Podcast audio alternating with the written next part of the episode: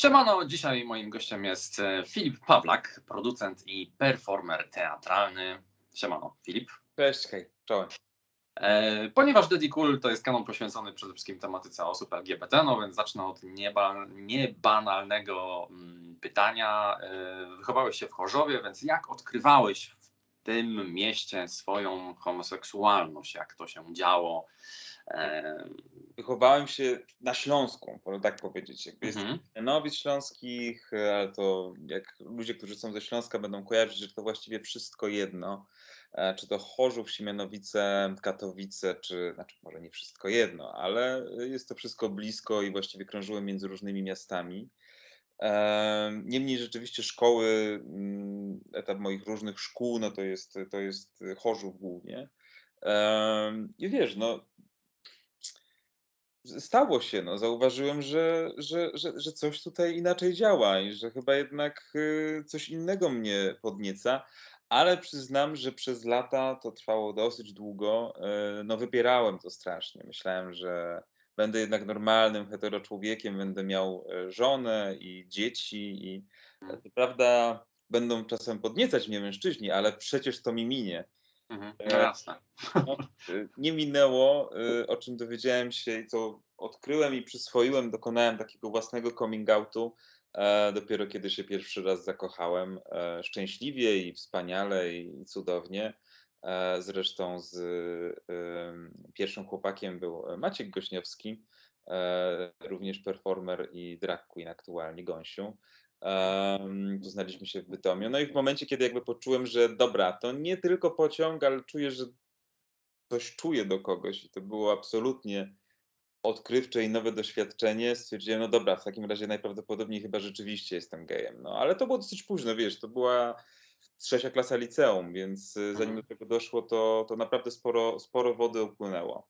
Ale takie pierwsze przebłyski, że cię ciągnie do facetów, kiedy mniej więcej Samego- pamiętasz, kiedy to było? Od samego początku, no, czyli Aha. po, po początki gimnazjum, jak nie koniec podstawówki. To jest jakiś Mhm. taki moment, wiesz, y, w ogóle odkrywania swojej seksualności. Nigdy nie miałem dziewczyny i na spektrum, że tak powiem, rzeczywiście mocno określiłbym się jako, jako zdecydowanie gej, czy osobę o skłonnościach jakby, y, którą pociągają mężczyźni, bądź y, osoby y, z penisem i, i tak, no, jakby em, tak, tak to muszę, tak to muszę Czy opisać. można powiedzieć, że jesteś czystym, nieskalanym gejem? Tak. Pełnokrwistym. nieskalanym, Nie wiem, czy nieskalanym. Ja jestem daleki od kategorii jakiejkolwiek czystości w czymkolwiek. E, czy jakby opisywania czegoś jako strict takie albo takie. Dla Mhm. mnie magia queeru i to, co jest w nim najbardziej pociągające i, i mnie e, inspirujące jest to, że to są wszystko kategorie, które się zmieniają, które są płynne, które nie są jednoznaczne, które są otwarte i e, w których można pomieścić coś więcej niż binarny podział na e, gej, hetero, e, chłopa, chłopak, dziewczyna, czy, czy jakikolwiek inny podział, który jest jedynie jakimś szufladkowaniem, więc chociaż tak, jak za, zazwyczaj byłem, zawsze właściwie byłem z mężczyznami, a chociaż jak- mam też jakby bardzo długą relację z osobą, e, która określa się jako e, osoba niebinarna i używa żeńskich zaimków, jest, jest e, żeńską osobą właściwie, więc, e, więc tak, to, to, to bardzo zależy. Mm, Pierwsze doświadczenie z mężczyznami. A, okej. No, ja podobnie. E, Chociaż kochałem się w jakiejś Ani w, w przedszkolu, więc później mi się Tak? to pozmieniło. I a propos tego, że mówiłeś, że y, uważałeś, że ci się to przejdzie, to ja jeszcze pamiętam mm, pamiętam taką środkową stronę Brawo. Była taka gazeta, nie wiem, czy w ogóle nadal to Pamiętam, ale nie, nie, nie, Y, I tam zawsze były poruszane tematy właśnie seksualne i było, że chłopcy w okresie dojrzewania często czują pociąg do, do innych, no więc uważałem, aha, czyli wszystko jest w normie. To minie. No. Czyli I- wiesz, ja jestem aktualnie teraz siedzę w domu rodzinnym, spoglądam przez okno na plac zabaw, wokół którego chodziłem z moją ówczesną wielką koleżanką Weroniką. Um, nazwiska, nie ten, ale z Weroniką, mieszkającą blok obok. Chodziliśmy dookoła placu zabaw i modliliśmy się. To, to, to były formy mojego zauroczenia, bardzo uduchowione. E, Chodziliśmy i mówiliśmy różańce i e, jakby nie, nie, nie przeżyłem nigdy zakochania w dziewczynie w podstawówce czy w liceum, ale tak mocne więzi duchowe e, jak najbardziej się pojawiały. Czy wręcz połączyła was modlitwa? Absolutnie. Ja, powiedz w takim razie, bo um, wydaje mi się, że nie jest niczym odkrywczym, że um, na pewno dużo osób, które ogląda e, nas, takiego coming-outu na przykład nie zrobiły, czy, czy chciałyby, czegoś się obawiają. Wspomniałeś, że, że, że, że nie było to łatwe, że to, że to był jakiś proces. Jakbyś przedstawił główną trudność, co było genezą tej trudności? Gdzie byś położył nacisk? Gdzie, gdzie była przyczyna tego, że, że nie było to łatwe? Trudne pytanie, bo muszę się cofnąć, wiesz, 10 lat mhm. wstecz, ale e, myślę, że trudno byłoby mi teraz po, powiedzieć, jak teraz może wyglądać coming out. Przez 10 lat od momentu, kiedy ja jakby odważyłem się i tak będąc w bezpiecznym dosyć środowisku, w kochającej rodzinie, z e, otwartym liceum, z mnóstwem przyjaciół, e, i tak się bałem. Teraz myślę, że świat wygląda rzeczywiście trochę inaczej. Mamy tęczowy piątek, mamy parady, mamy działające media, mamy też osoby y, publiczne, które deklarują się otwarcie jako homoseksualne. 10 lat temu było ich jednak o wiele, wiele mniej. Mamy też wielką kampanię hejtu e, aktualnie, co na pewno też nie pomaga.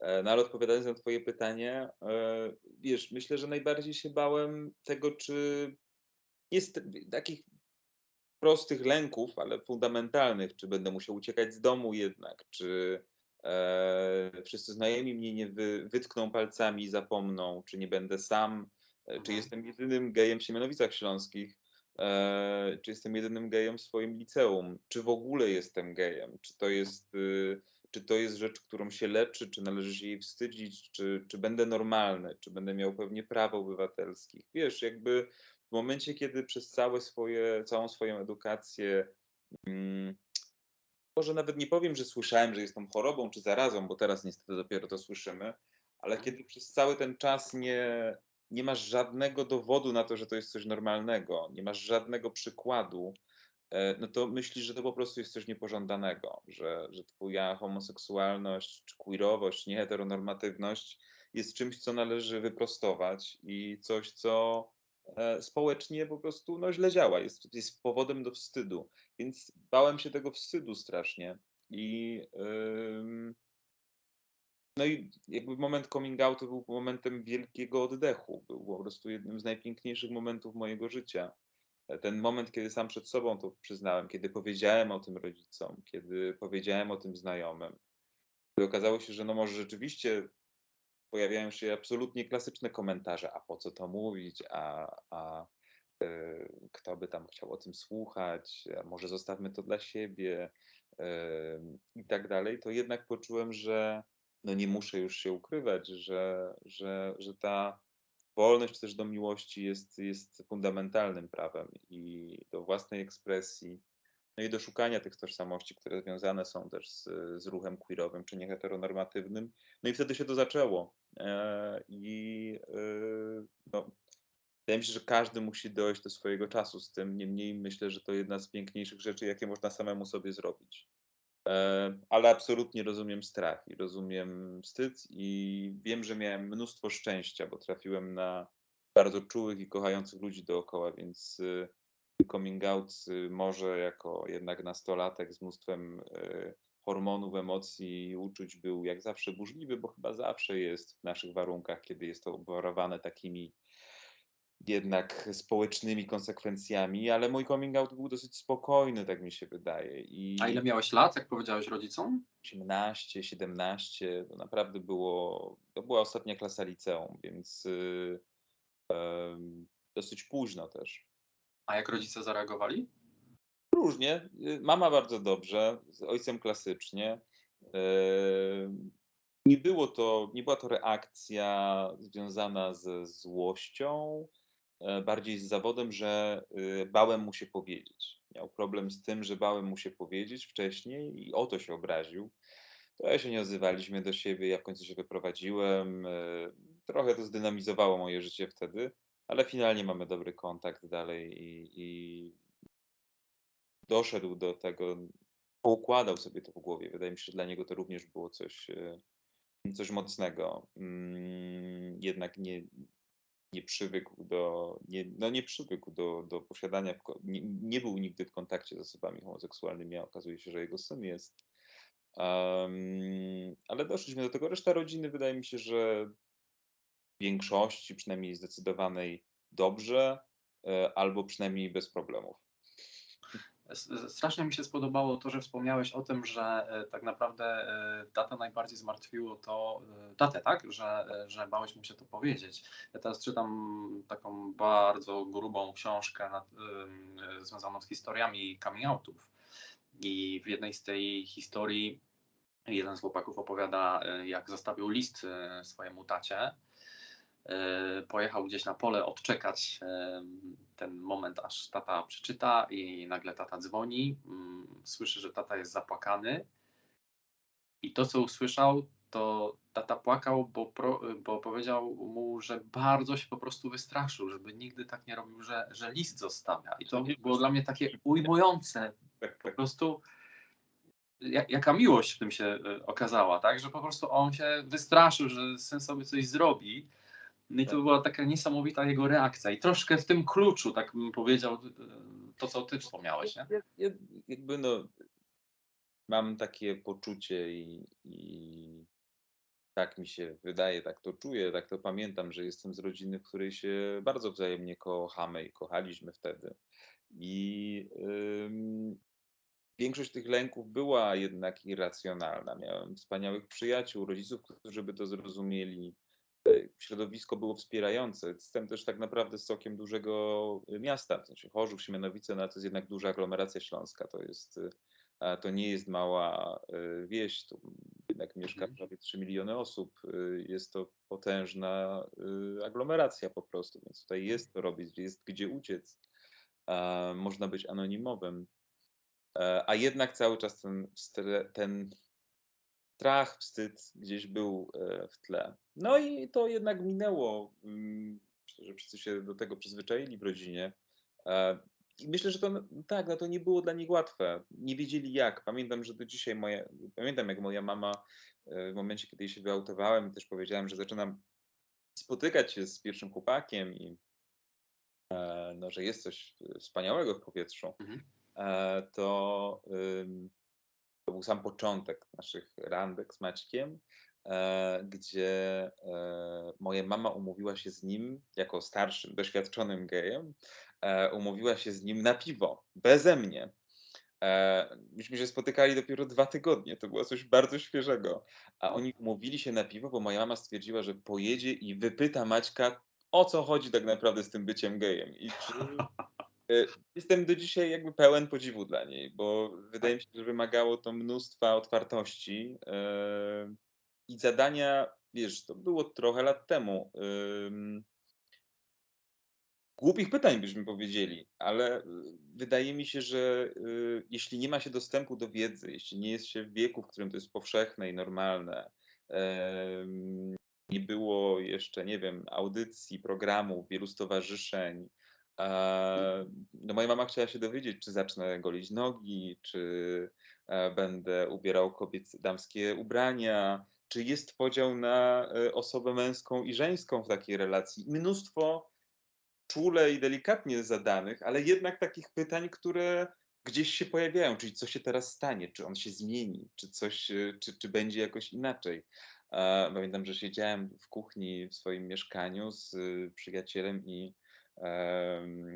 umierałem ze strachu, myśląc o czym oni tam teraz rozmawiają, co się tam teraz dzieje, z, z, jaką wiedzą ona wróci, że za chwilę będzie wiedziała o homoseksualizmie więcej niż ja. Dokładnie. Właśnie to jest fajne, bo tak jak też rozmawiałem z Tomaszem Raczkiem, on bardzo kładł nacisk, jak wspominał swo, swoje dojrzewanie, że on bardzo kładł um, nacisk na pozyskiwanie wiedzy i twoja mama, e, z tego co mówisz, położyła nacisk na pozyskanie wiedzy w tym temacie, a nie na przykład co ludzie powiedzą. Nie? Co tak, tak, tak. To, było, to było stwierdzenie, że e, uzyska wiedzę u źródła.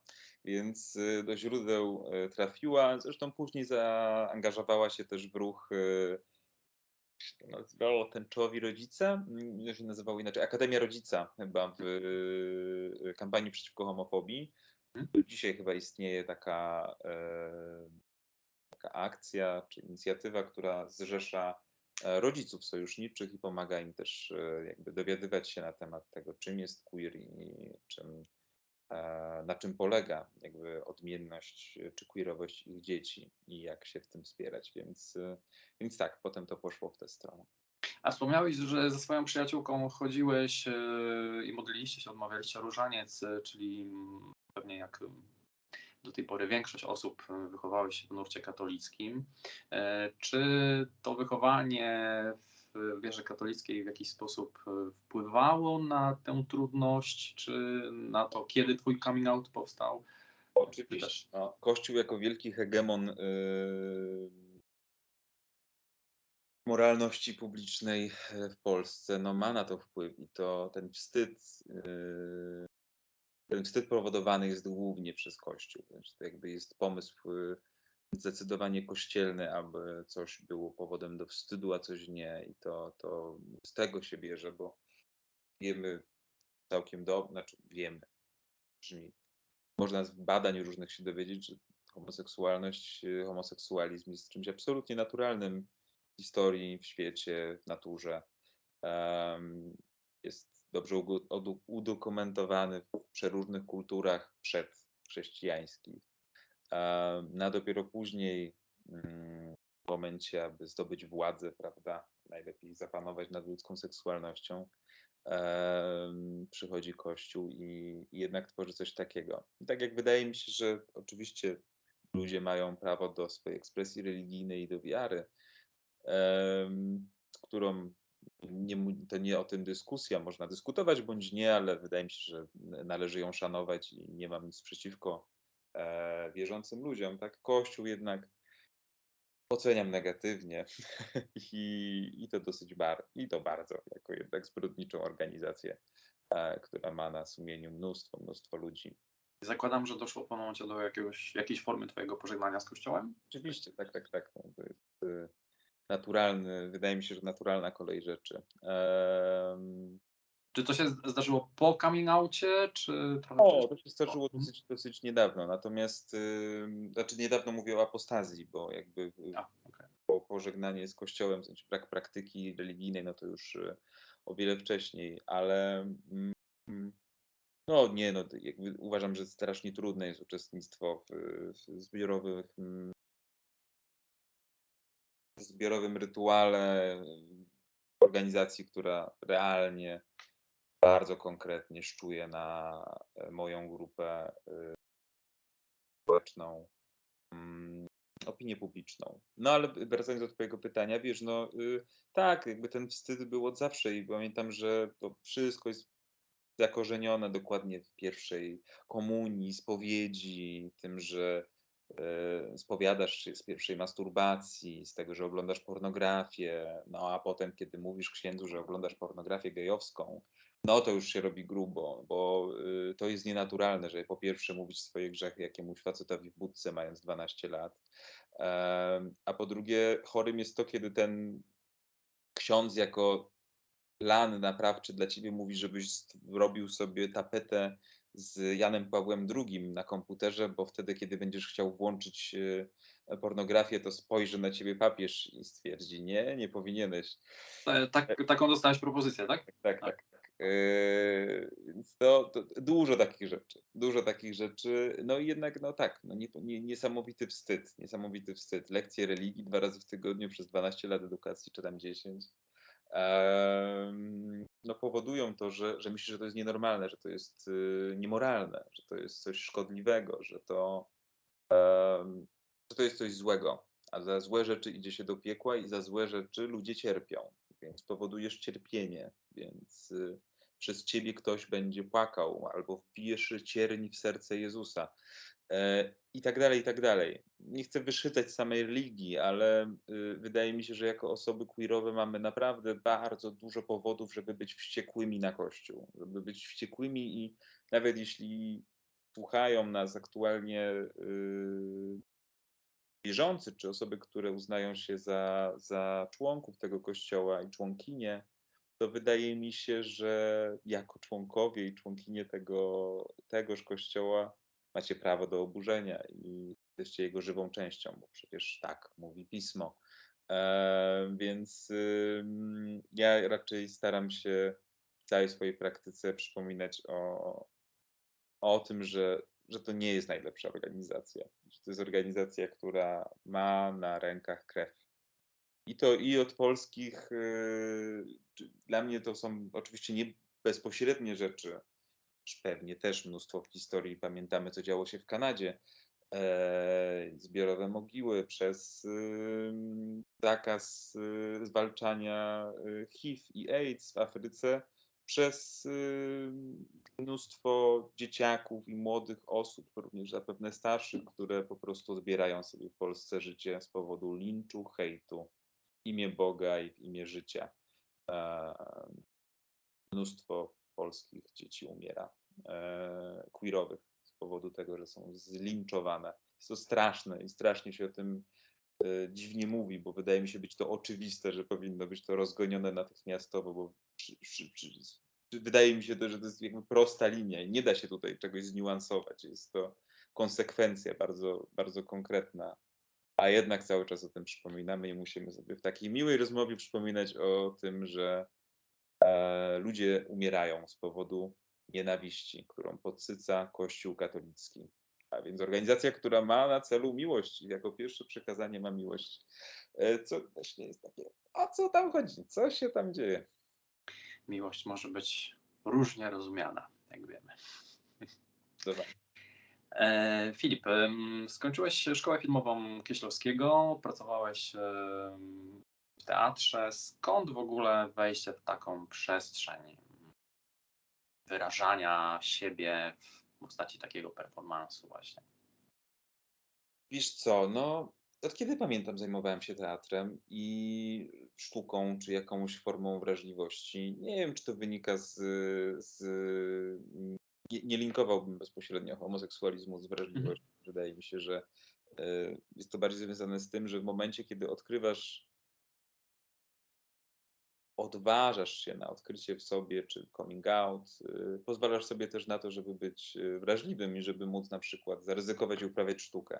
Ale wydaje mi się, że więcej osób, y, że, nie jest to powiązane, że równie dobrze można Mhm. być gejem i górnikiem, i równie dobrze można być gejem i policjantem, bądź kimkolwiek innym. Że Bądź gejem i księdzem. Bądź gejem i księdzem, oczywiście, jeśli ktoś lubi. E, Natomiast, wiesz, no, od kiedy pamiętam, to się zaczęło, wiesz, od, od podstawówki, od jakichś takich działań absolutnie yy, amatorskich. Niemniej przez 10 lat rysowałem, potem zacząłem chodzić do radia, potem zacząłem mówić na scenie, potem jakieś przeróżne inne rzeczy. Tak to trwało, trwało, trwało, trwało.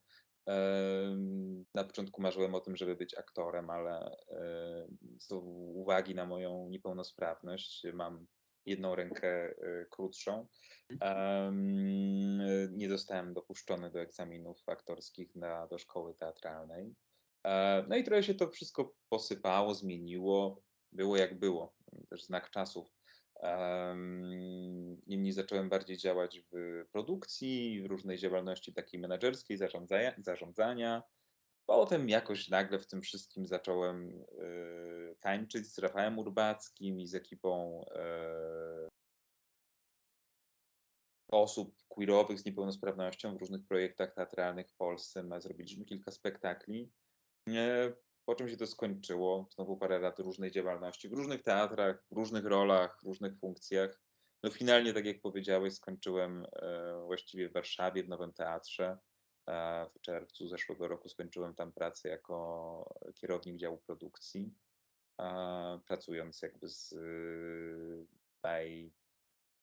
najbardziej uznanymi, czy, czy, czy jakoś najwspanialszymi aktorami, twórcami, reżyserami, z Agdą Sielecką, Jackiem Poniedziałkiem, że wspomnimy kierowe wątki, e, z Krzysztofem Warlikowskim, Michałem Borczuchem, z Anu Czerwińskim, z mnóstwem wspaniałych ludzi, mówię tutaj o twórcach, ale też chodzi o cały ten teatr, nies- niesamowite miejsce. Em, więc tak, jakby ten, ta, potrzeba wyrażania siebie i ta czułość, którą daje teatr, delikatność, to to, że jednak teatr jest miejscem bardzo wrażliwego wysłuchiwania społeczeństwa i siebie, odtwarzania, ale też tak naprawdę wydaje mi się, że jakkolwiek to nie zabrzmi, to szukania prawdy, a więc prawdy, czyli tego, co nas bawi, co nas wzrusza, co nas porusza, co dalej jest w stanie jakoś nas u, e, uwrażliwić czy uspołecznić. A przede wszystkim chyba to, że teatr dla mnie w odróżnieniu do kina, które jednak skończyłem szkołę filmową, ale nie jestem fanem kina ani, ani filmu za bardzo. Em, Wydaje mi się, że teatr ma ten duży plus, że oddycha się tym samym powietrzem, którym oddychają aktorzy w tym samym czasie. Że jest jakaś wspólnota tego samego miejsca, czasu, energii, obecności, bardzo realnej, fizycznej obecności, która polega na tym, że na ten jeden moment, y, kiedy trwa spektakl, spotykamy się w jednej sali i wierzymy w dokładnie to samo kłamstwo, że ktoś coś przeżywa na scenie i że jest to prawda. Już bardzo różne są rodzaje teatru. Ja też zajmuję się tańcem, czy bardziej współczesnymi, krytycznymi, dziwnymi formami, które są już y, bardziej awangardowe. Ale dalej, dalej pociąga mnie to ciało, pociąga mnie to ta obecność, to co to, to rezonowanie pewną energią, e, przeróżnie można to nazywać. Teatr ma dla mnie jakąś tajemnicę i, i po prostu jest miejscem, które najbardziej rozumiem i w którym czuję się najbezpieczniej. Czuję się w nim e, jak u siebie. Rozumiem te reguły, rozumiem tę ciekawość. E, Może tak zostało, może, może to po prostu dlatego, że jestem tam najdłużej. E, Może mogło być to inne miejsce, ale ten teatr do mnie przemawia jako medium, jako miejsce, jako, jako środek do ekspresji. I w sztuce mm, dość y, mocno mm, poruszasz właśnie, kwestię niepełnosprawności. I teraz y, w zasadzie poruszyliśmy kwestię tego mm, jakiegoś nieprzyjęcia przez Kościół, a jednocześnie wspomniałeś o swoim e, egzaminie, gdzie ze względu na niepełnosprawność zostałeś odrzucony. Czyli nie chciałbym, żeby teraz wyszło, że jesteś jakimś cierpiętnikiem, bo raczej na takiego nie wyglądasz. Jesteś energiczną i pozytywną osobą. Ale chciałbym poruszać te kwestie tego, tego, tego odrzucenia też podczas egzaminu. Czy mm, orientujesz się może, czy to się teraz zmieniło, czy... To się zmienia, to się zmienia absolutnie i, i myślę, że to był znak czasów. Ja y, też, żeby była jasność, y, wygra... sytuacja była taka, że wygrałem jakiś konkurs y, restatorski, w którym miałem dostać się na kolejny etap y, e, egzaminów, ym, ale jakaś wrzesza historia. Niemniej tym momentem, kiedy się nie dostałem, on nie był formalny, bo pewnie gdyby ktoś chciał sprawdzić, to nie ma mnie w teczce aplikacji do, na wydziały przeróżne, E, bo po prostu po tym konkursie jeden z jurorów, kiedy jednak przeżywałem jeden z piękniejszych momentów wygrania ogólnopolskiego konkursu em, recytatorskiego, podszedł do mnie i powiedział, no ładnie pan mówi, ale aktorem pan nigdy nie będzie, e, bo nie ma pan ręki. No i to jakby w momencie, kiedy masz 17 lat i marzysz o swojej przyszłości i nie jesteś na tyle pewny siebie, bo ym, co by tu mówić, to nie było lekkie tak naprawdę być niepełnosprawnym, rudym gejem z robotniczej rodziny, który próbuje pomyśleć o tym, że być może będzie zdawał na jedną z dwóch akademii teatralnych w kraju i że chce spróbować, to, y, to wtedy się poddałem. Po stwierdziłem, że okej, skoro tak mi mówi pan profesor, to znaczy, że nie będę aktorem w Polsce, to się nie uda, to nie jest dla mnie. Więc y, ja sam sobie, można powiedzieć, podciąłem te skrzydła, ale i sam sobie, i nie sam sobie. Gdybym nie usłyszał tego komentarza, pewnie bym zdawał, pewnie, pewnie robiłbym inaczej. I ktoś powiedział mi, ktoś, kto tam był wykładowcą, był profesorem, e, że nie. E, więc y, to oczywiście rezonuje potem w człowieku, nie? To jakby gdzieś tam zostaje. E, zgłębiłem do końca tę anegdotę, żeby powiedzieć o niej jasno, ale przypomnij jeszcze raz swoje pytanie dokładnie, bo chyba zgubiłem wątek.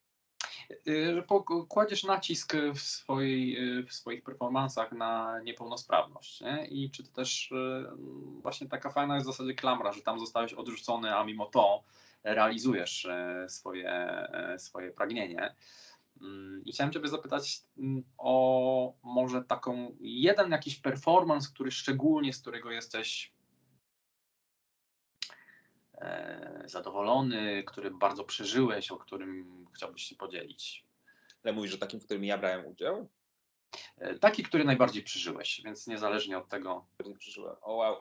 Wiesz, ciężkie to jest. Nie, nie lubię dawać top 5, bo to jest y, czy top 1, Aha. czy, czy, czy cokolwiek, bo mm, zajmuję się tym zawodowo i to y, mam mnóstwo przeróżnych spektakli. Każdy z nich coś we mnie wniósł i staram się większość z nich y, przeżywać mocno. Zależy to od chwili. W momencie, kiedy zaczynałem pracę, niesamowitym doświadczeniem była praca z Rafałem Urbackim nad y, gatunkami chronionymi, gdzie po raz pierwszy e, występowałem tanecznie na scenie, mówiłem o, swoim, o swojej homoseksualności. Delikatnie tam powiedziałem to. Tak użyłem tego, żeby jednak gdzieś tam padło. Em, ale powiedziałem to, miałem solo taneczne, jeździliśmy z tym, występowaliśmy. To był też wielki moment właśnie konfrontacji z tym, że ze sceny mówię o tym, że nie mam ręki, że to jest y, dla mnie jakieś przełomowe. Jest to y, dokładnie to zdobycie władzy nad tą sytuacją. Nie dostałem się do szkoły, proszę bardzo. W sensie, a teraz występuję na scenach i jeżdżę po całej Polsce. E, Potem był to spektakl w Gnieźnie, e, niech nigdy w tym, niech nigdy w tym dniu słońce nie świeci. Też z Rafałem Urbackim w Teatrze imienia Fredry w Gnieźnie zrobiliśmy. Zostaliśmy się z tym na, na, na turnę po Polsce w ramach Teatru Polska. E, Wielki, wspaniały przejazd przez małe miejscowości, ale cudowne, cudowne przeżycie, gdzie razem też z ekipą różnych queerowych osób zrobiliśmy właściwie musical o wyklętych, e, chromych, kalekich i niepełnosprawnych osobach. To były dwa jakieś takie duże doświadczenia moje jako, jako performera. E, A później całe mnóstwo spektakli, które mnie zainteresowały, poruszyły. Ciężko mi teraz powiedzieć, mogę powiedzieć, co widziałem tydzień temu i było coś dla Mhm. mnie niesamowitego. W zeszłym tygodniu oglądałem w Londynie spektakl e, grupy Back to Back. To jest taki australijski teatr osób z niepełnosprawnością intelektualną.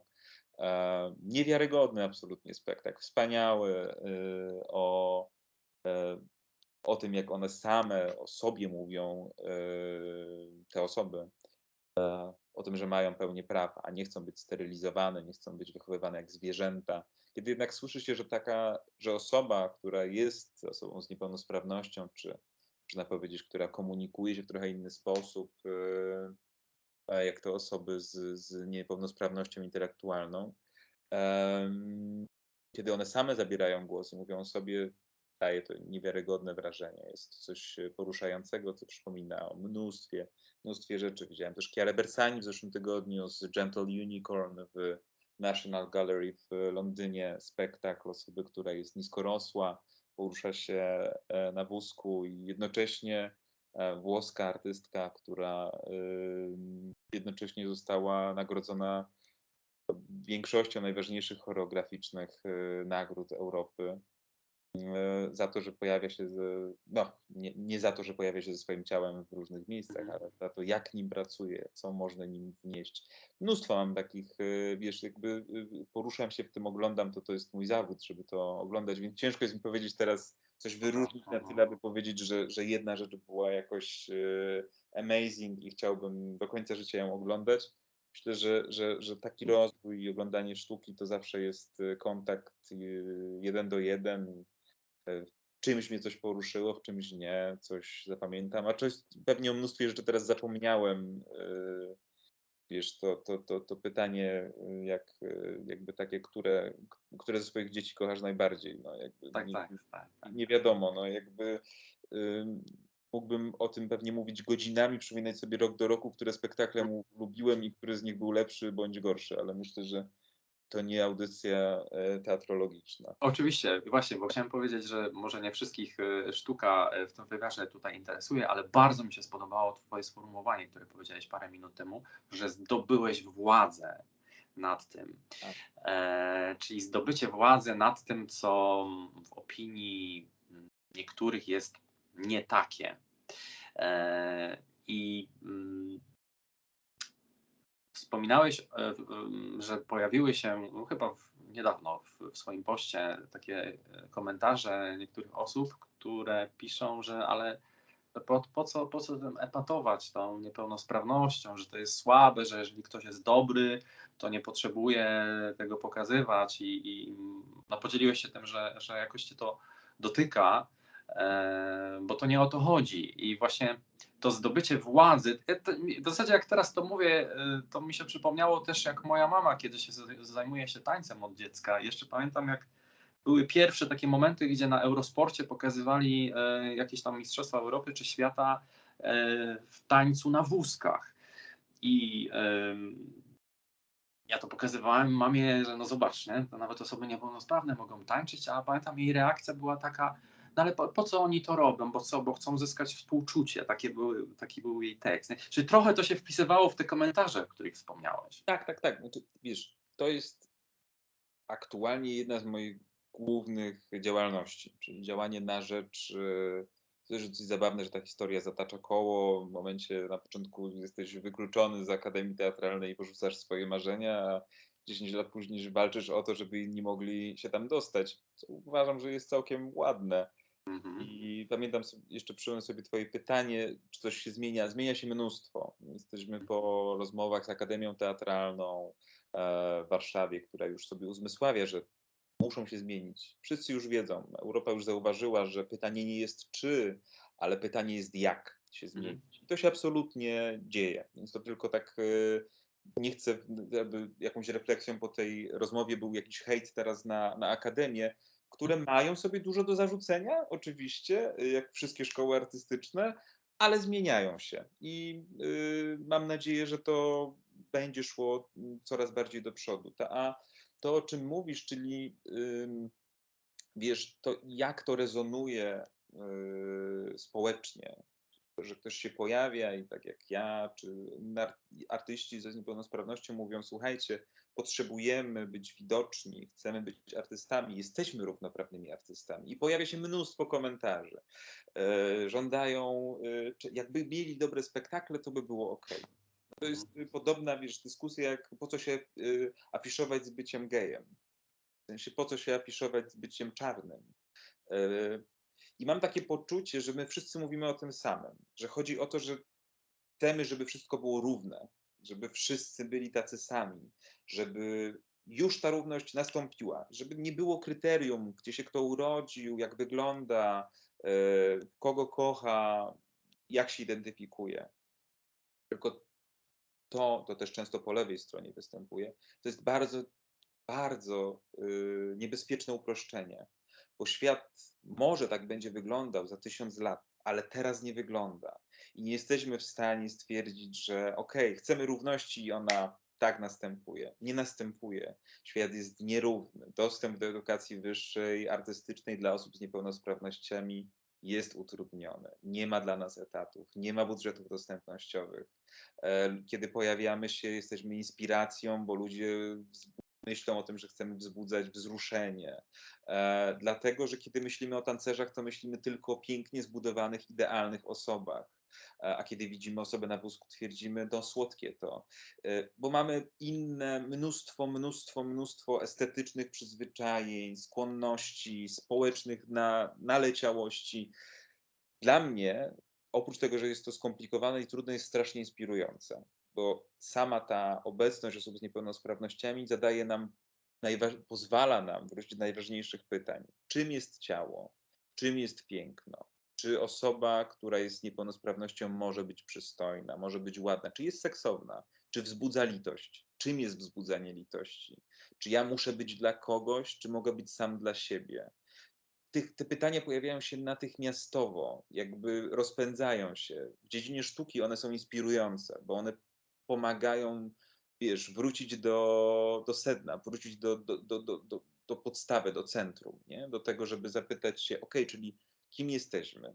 Czyli dlaczego cię to tak denerwuje? Mhm. Co, co cię tak denerwuje, że, że, że mamy tą e, akcję i że walczymy o siebie? Czy nasza sztuka jest gorsza? Jest gorzej e, rozwinięta. Tak, nasza sztuka jest gorzej rozwinięta, bo nie mamy dostępu do edukacji, bo nie mamy dostępu do rozwoju, bo ludzie z niepełnosprawnością są na tyle zawstydzeni, na tyle się boją i są przyzwyczajeni też do tego, ile ja rozmów prowadzę z samymi niepełnosprawnymi, żeby przestali się użalać nad sobą, żeby przestali e, czuć wstyd, żeby nie mówili, żeby ich strategią nie było to, żeby być jak pełnosprawny, tylko po to, żeby zacząć korzystać ze swojego ciała. Wiesz, dla mnie podobieństwa między queerem a creepem, w sensie pomiędzy niepełnosprawnością a kalectwem, czy jakby osobami z Mhm. niepełnosprawnościami, są bardzo duże. Tylko, że ruch osób z niepełnosprawnościami jeszcze nie osiągnął czegoś, co w queerowych, y, queerowej teorii jest dumą, jest pride'em. Jest to, że my już nie mówimy, że chcemy być jak hetero, tylko myślimy sobie, chcielibyśmy mieć takie prawa, ale potrafimy docenić naszą odmienność. Widzimy, co nam to daje, że daje nam to wrażliwość, że daje nam to czułość, że daje nam to inny dostęp do społeczności, że potrafimy docenić to, że mimo tego, że jest to trudne i bazuje na mnóstwie historycznej przemocy, to mamy w sobie tę dumę z tego, co przeżyliśmy, dokąd doszliśmy. Jesteśmy dumni z tego, kim jesteśmy. Zresztą ja jestem, wierzę w tę dumę. Jakby e, jestem teraz dumny z tego, kim jestem. Jestem jako gej, ale też jako osoba z niepełnosprawnością. I e, takie kampanie, wspomniałeś o kampanii, którą właśnie prowadzimy, kampanii Jestem artystą, w której e, siedmioro artystów z niepełnosprawnością e, po prostu mówi o tym, że są artystami. I ona wzbudza właśnie bardzo szerokie komentarze, którzy mówią po co? Po co? Wystarczy. że jest trudno e, w osobie niepełnosprawnej e, poczuć swoją wartość, jeżeli mam taki obraz sprzed paru lat, e, gdy Beata Szydło była premierem e, i aspirowała na obraz Matki Polki, gdy rodzice osób niepełnosprawnych koczowali w Sejmie i jedna z mam wołała ją, a ona nawet się nie spojrzała, po prostu prosto wyszła do wyjścia, totalnie olewając te no, osoby. Do- dotykasz jednego z największych doświadczeń jakby historycznych, które myślę, że do nas jeszcze wróci. My jako, jako osoby z niepełnosprawnością jesteśmy w, jako osoby z niepełnosprawnością, nie wiem, mówię za siebie, ale też to, Mhm. co widzę pracując y, z tymi grupami, mam takie wrażenie, że, mm, że jesteśmy w takim mocno formacyjnym momencie, w którym zauważamy naszą zbiorowość, zauważamy naszą kolektywność. Musimy zadać sobie te pytania. Em, I dla mnie to jest jakieś powiązanie właśnie z queerem, nie? Że, że tak, mo- moment protestów, Sejm był przez miesiąc okupowany przez osoby z niepełnosprawnością. Czy jakakolwiek inna grupa w Polsce okupowała Sejm w y, wolnej Rzeczypospolitej? Chyba nikt. To jest wydarzenie bez precedensu e, które mało co zmieniło. E, Teatr 21 stworzył taki spektakl, jeden z też lepszych spektakli, jakie widziałem w życiu, Rewolucja, której nie było. Jest to rewolucja, która się nie odbyła. To jest realna rewolucja. Ci ludzie okupowali Sejm i zostali wyśmiani przez wszystkich. Przez wszystkich parlamentarzystów właściwie. Oczywiście ludzie wspierali, mówili, że tak, tak, tak. Coś się zmieniło? Mało co się zmieniło. Y, Rozwiązania socjalne dalej są na podobnym poziomie. Y, Prawo do bez ubezwłasnowolnienia osoby z niepełnosprawnością intelektualną dalej istnieje. Dostęp do e, ginekologów dla osób poruszających się na wózku jest jednym z najniższych w Europie. E, Prawa kobiet z niepełnosprawnością są notorycznie łamane. Są one, jakby ilość gwałtów jest niewiarygodna. E, To, że ludzie boją się w ogóle mówić o jakiejkolwiek swojej ekspresji jako niepełnosprawni, bo są przyzwyczajeni, że muszą siedzieć w domu, w spokoju, w ciszy, że muszą się schować. Na początku przez 18 lat są w specjalnych szkołach i ośrodkach, a później wielkie pieniądze, aby ich aktywizować. Wiesz, ten system jest chory. Ten system jest chory i ten wielki protest, który był, dla mnie jest dalej inspirujący, ale on też mówi mi o tym, co się nie wydarzyło później, co się nie stało. I chciałbym, żeby kolejny to zmienił, żeby to, żeby to się, wiesz, y, zaczynało kręcić. Jak kochałem w momencie y, protestu strajku kobiet, e, kiedy na barykady wyszły osoby, kobiety z niepełnosprawnością. Pomyślałem sobie, wow, to jest dokładnie ten moment, na który czekam. E, czyli wy, które skrzykujecie się na Messengerze, że będziecie jako niewidome i głuche siedziały na barykadach i będziecie nie reagowały na policję, bo w końcu nie słyszycie bądź nie widzicie i one nie, i policja nie będzie wiedziała, co ma zrobić. W sensie jakby aktywne wykorzystanie też atutów, które daje niepełnosprawność. Jak zakłuć osobę bez rąk? Eee, wiesz, można się śmiać, ale to jest realna polityczna siła i kiedy zobaczyłem, że to się zaczyna dziać, że te osoby wychodzą, że walczą o siebie, to, to się wzruszyłem, to stwierdziłem tak, po raz kolejny rewolucja jest kobietą i to znowu kobiety pokazują nam, e, jak należy walczyć, jak należy być e, odważnymi i walczyć o swoje. Więc ja myślę, że, że jesteśmy w jakimś takim, wiesz, bardzo dobrym, bardzo otwierającym i dobrym momencie. Widzę, jak, ta, widzę, jak to następuje, jak ta zmiana yy, się dzieje i te dyskusji, rozmów yy, odbywam na ten temat yy, i, i, i mam nadzieję, że z tego wyniknie coś dobrego. Zresztą już powoli wynika, no ale oczywiście, że chcemy, żeby było to szybciej i więcej. E, magazyn Replika co rok wydaje e, kalendarz, e, w którym pozują mm, geje nago. W tym roku zdecydowałeś się, żeby na kalendarz na 2023 rok być częścią tego kalendarza. Czy to też jest jakaś forma takiego performansu edukacyjnego, powiedzmy? Jak, jak, jak to traktujesz? Traktuję to jako jeden z, jedną z części aktywizmu po prostu. Mhm ale też wsparcia dla repliki. Nie ma co mówić. Y, może nie zawsze po drodze jest mi z repliką i z estetyką, którą replika yy, pokazuje. Mam jakby dosyć queerowe już podejście. Replika dosyć często jest dosyć, nie, nie powiem konserwatywna, ale e, w niektórych względach może dla mnie już być trochę old fashion. E, to nie oznacza, że nie szanuję ich y, pracy i legendy. Jest to dalej największe i najstarsze pismo LGBT w Polsce. E, I uważam, że warte jest to, żeby istniało. E, I że takie miejsca są częścią dziedzictwa i trzeba o nie dbać. A no, przypominając też y, Twoim słuchaczom, tak, wydajemy, wyda, wydawany jest kalendarz, w którym wziąłem udział E, gdyż jest on kupowany, bo jest to absolutnie komercyjny kalendarz, e, mhm. w którym są ładne zdjęcia, wydaje mi się, że całkiem atrakcyjnych mężczyzn e, czy osób i po prostu traktuję to jako cegiełkę dla repliki, bo bierzemy udział w tym kalendarzu non-profit. Cała replika jest działaniem non-profit, a zysk z kalendarza umożliwi działalność tego pisma przez kolejny rok. I wydaje mi się, mhm. że to E, kiedy dostałem propozycję, żeby, żeby wziąć udział w tym e, wydarzeniu, to znaczy w, tym, w tej akcji, mam taki, no dobra, no spróbujmy. Jest to jakaś rzecz, którą mogę, którą mogę dać. A swoją drogą tak, jest to też pokazywanie odmiennych ciał, jakby jest to też pokazywanie e, tego, że można być gejem i nie mieć ręki, można być gejem i nie mieć idealnego, wyrzeźbionego ciała, bo to też jest mocno obecne cały czas w różnych dyskusjach, czy tym, jak postrzegamy ciało. Nie? Tak, bo właśnie sobie zapisałem, że e, stwierdziłeś, że wielu uważa swoje ciało za niewystarczająco męskie i seksowne. No tak, tak. No, jakby wyjść na wiesz, Grindra, czy jakikolwiek portal gejowski, e, czy spójrz na to, jak reprezentowane jest to ciało, jak bardzo też e, geje w dużej mierze są uzależnieni od siłowni, od bardzo mocnej mm.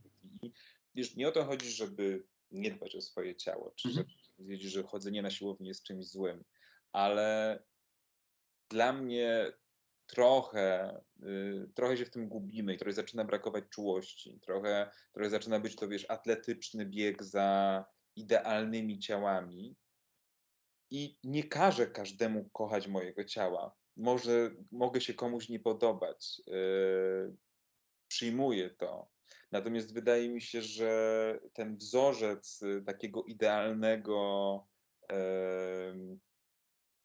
wysiłowanego ciała jest krzywdzący, bo y, takie, tak ciała nie wyglądają. Ciała są różnorodne.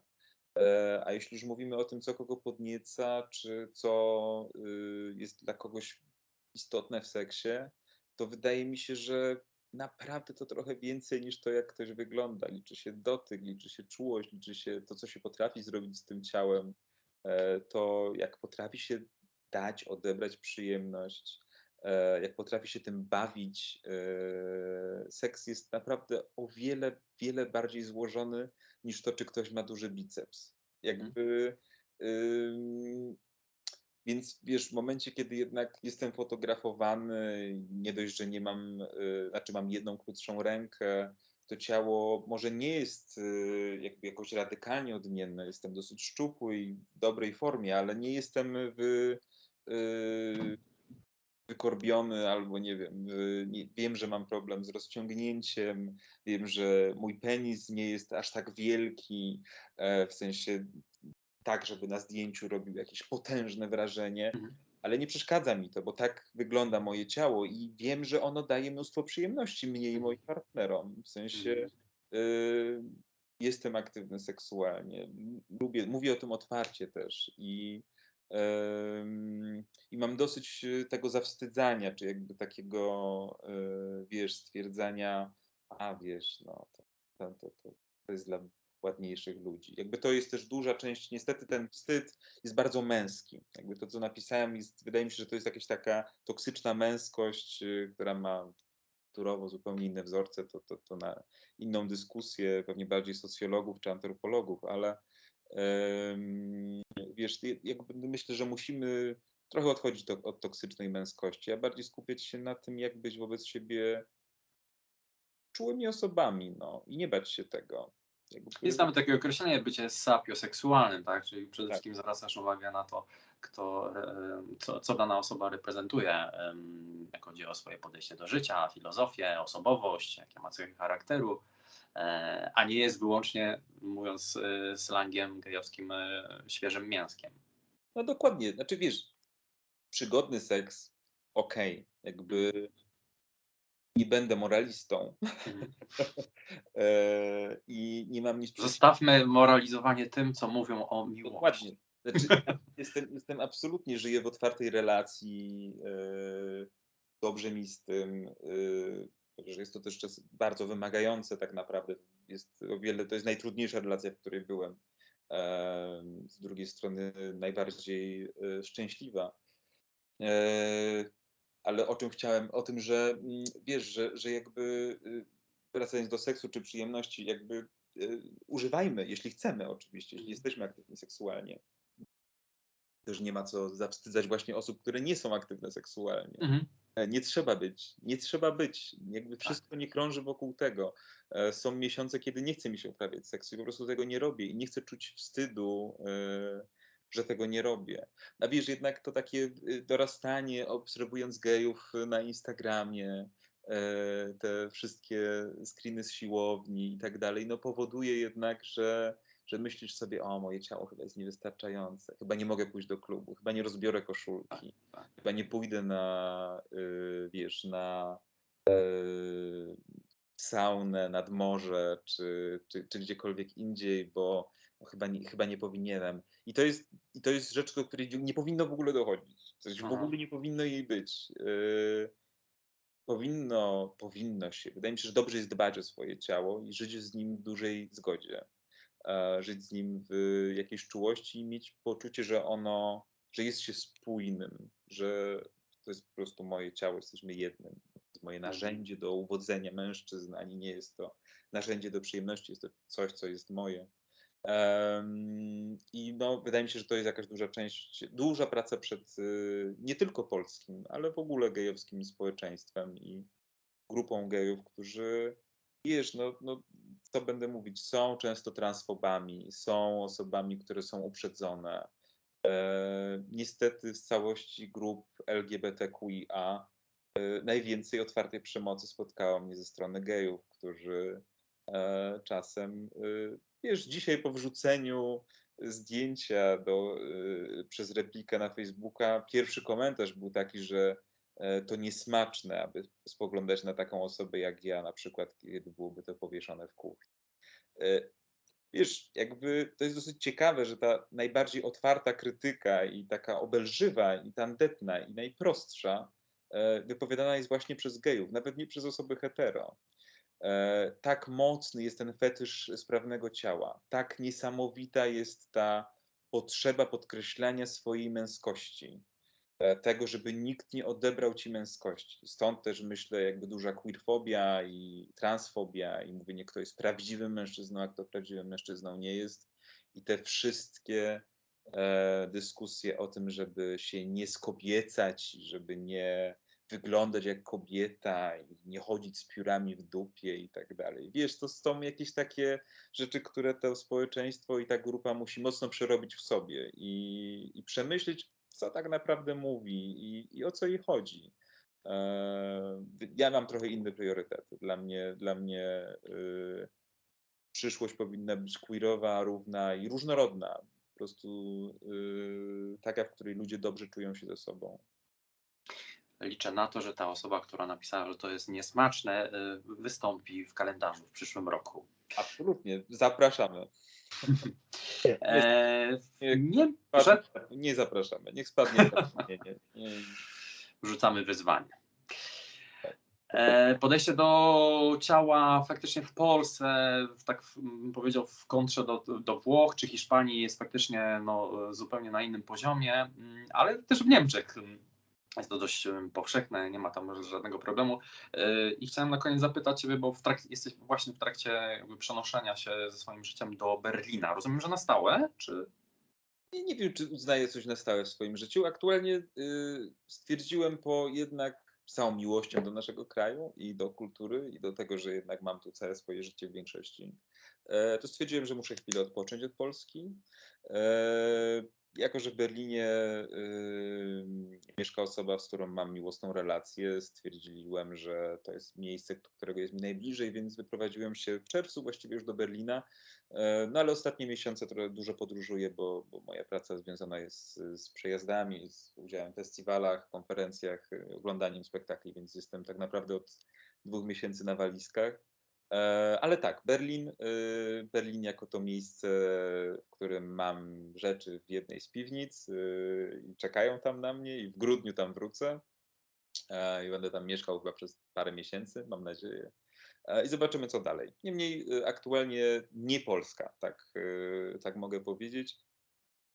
Wiesz, jakby trzeba odczuć to, że są przy, przyjemnie jest mieszkać w miejscu, w którym nie musisz cały czas trzymać napiętego ciała i się bać. Tak. Mhm. Jest to, jest to niesamowita różnica i odkryłem to, jak zacząłem dwa lata temu jeździć do Berlina na weekendy, e, że wiesz, że chodzę tam z daną e, za rękę po ulicach, e, trzymamy się za rękę i nie boję się, że ktoś nas uderzy. Mhm. Nie boję się, że ktoś nas wytyka palcami. A jak ktoś nas wytyka palcami, najczęściej są Polacy w Berlinie. Tak, tak. tak. i, I mam takie wow, tu można odpocząć, nie muszę się bać. E, wiesz, zbiegło się to w czasie z zatrzymaniem Margo i z, tęczowym, e, z tęczową nocą, tęczowym piątkiem, gdzie byłem zatrzymany też przez policję, więc y, jakby mam kilka takich doświadczeń bardzo nieprzyjemnych w Polsce, związanych z też byciem gejem. E, I i stwierdziłem, że tak, jakby fajnie, fajnie, ale y, chcę sobie chwilę pożyć w przyjemnym miejscu. I pewnie tu wrócę, tak mi się wydaje, do Polski, bo jednak, wiesz, no, pracuję w kulturze polskiej głównie i, i znam się na, na, na, naszym społeczeństwie, naszej estetyce i, i lubię to miejsce, lubię tych ludzi jednak, ale potrzebuję chwili oddechu. I polecam chyba to każdemu, żeby zobaczył, że da się inaczej nie, żeby Niemcy były bez problemów, są, mają swoje i to nie jest kraj miodem i mlekiem płynący. Samo życie migranta jest dosyć trudne, e, ale styl. Nie boję się aż tak chodząc po ulicach. To jest rzecz nie do przecenienia. Jeśli ktoś powie, że to nie o to chodzi, żeby się afiszować na ulicach, to polecam to uczucie, kiedy możesz pójść i pocałować ukochaną osobę, E, w restauracji albo na ulicy. Mhm. Nie boisz się, tak. że rzuci obelgą bądź rzuci w ciebie kamieniem. Tak, tak, nie do, jest to niewyobrażalne po wy, wy, dorastaniu w Polsce. Niewyobrażalne. E, wiem o czym mówisz, bo pamiętam, e, jesteśmy, o, można powiedzieć, dość regularnie z Tomkiem w Berlinie i tam sobie e, po prostu idziemy za rękę. Nawet się człowiek nad tym nie zastanawia i pamiętam, że a mieszkamy w Poznaniu, więc praktycznie do Berlina mamy powiedzmy 2,5 godziny. i wróciliśmy do Polski. Chcieliśmy zrobić jakieś tam zakupy w Biedrze i tak, e, aha, tutaj już może nie. I to było najbardziej, wiesz, gdyby to było tak, y, że my za, tą, za tę rękę chodziliśmy, będąc, nie wiem, w Stanach Zjednoczonych, Tak. a to myślę, dwie i pół godziny, Tak. a jednak totalna przepaść.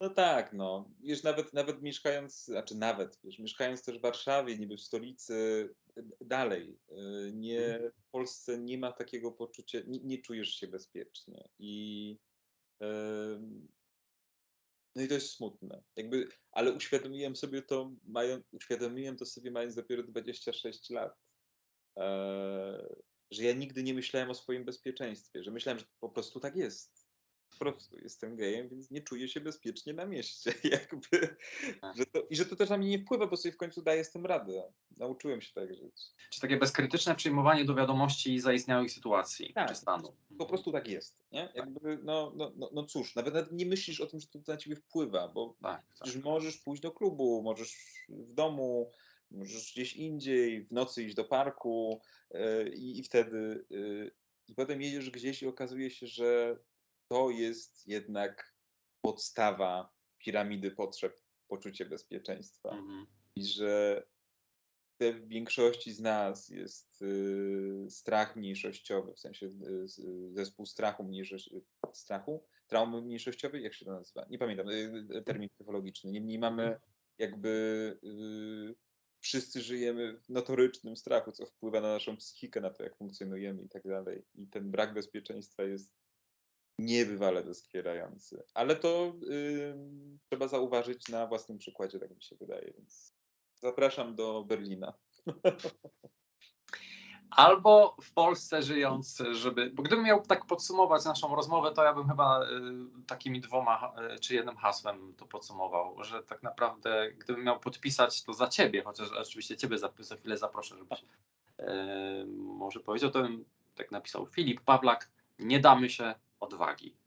No, Nie, nie, nie, damy się. No, może, może tak. Ja bym powiedział, że nie trzeba walczyć e, i że właśnie wycofanie się i stwierdzenie, że nie chcę żyć w Polsce, bo jest tu ciężko, też jest opcją.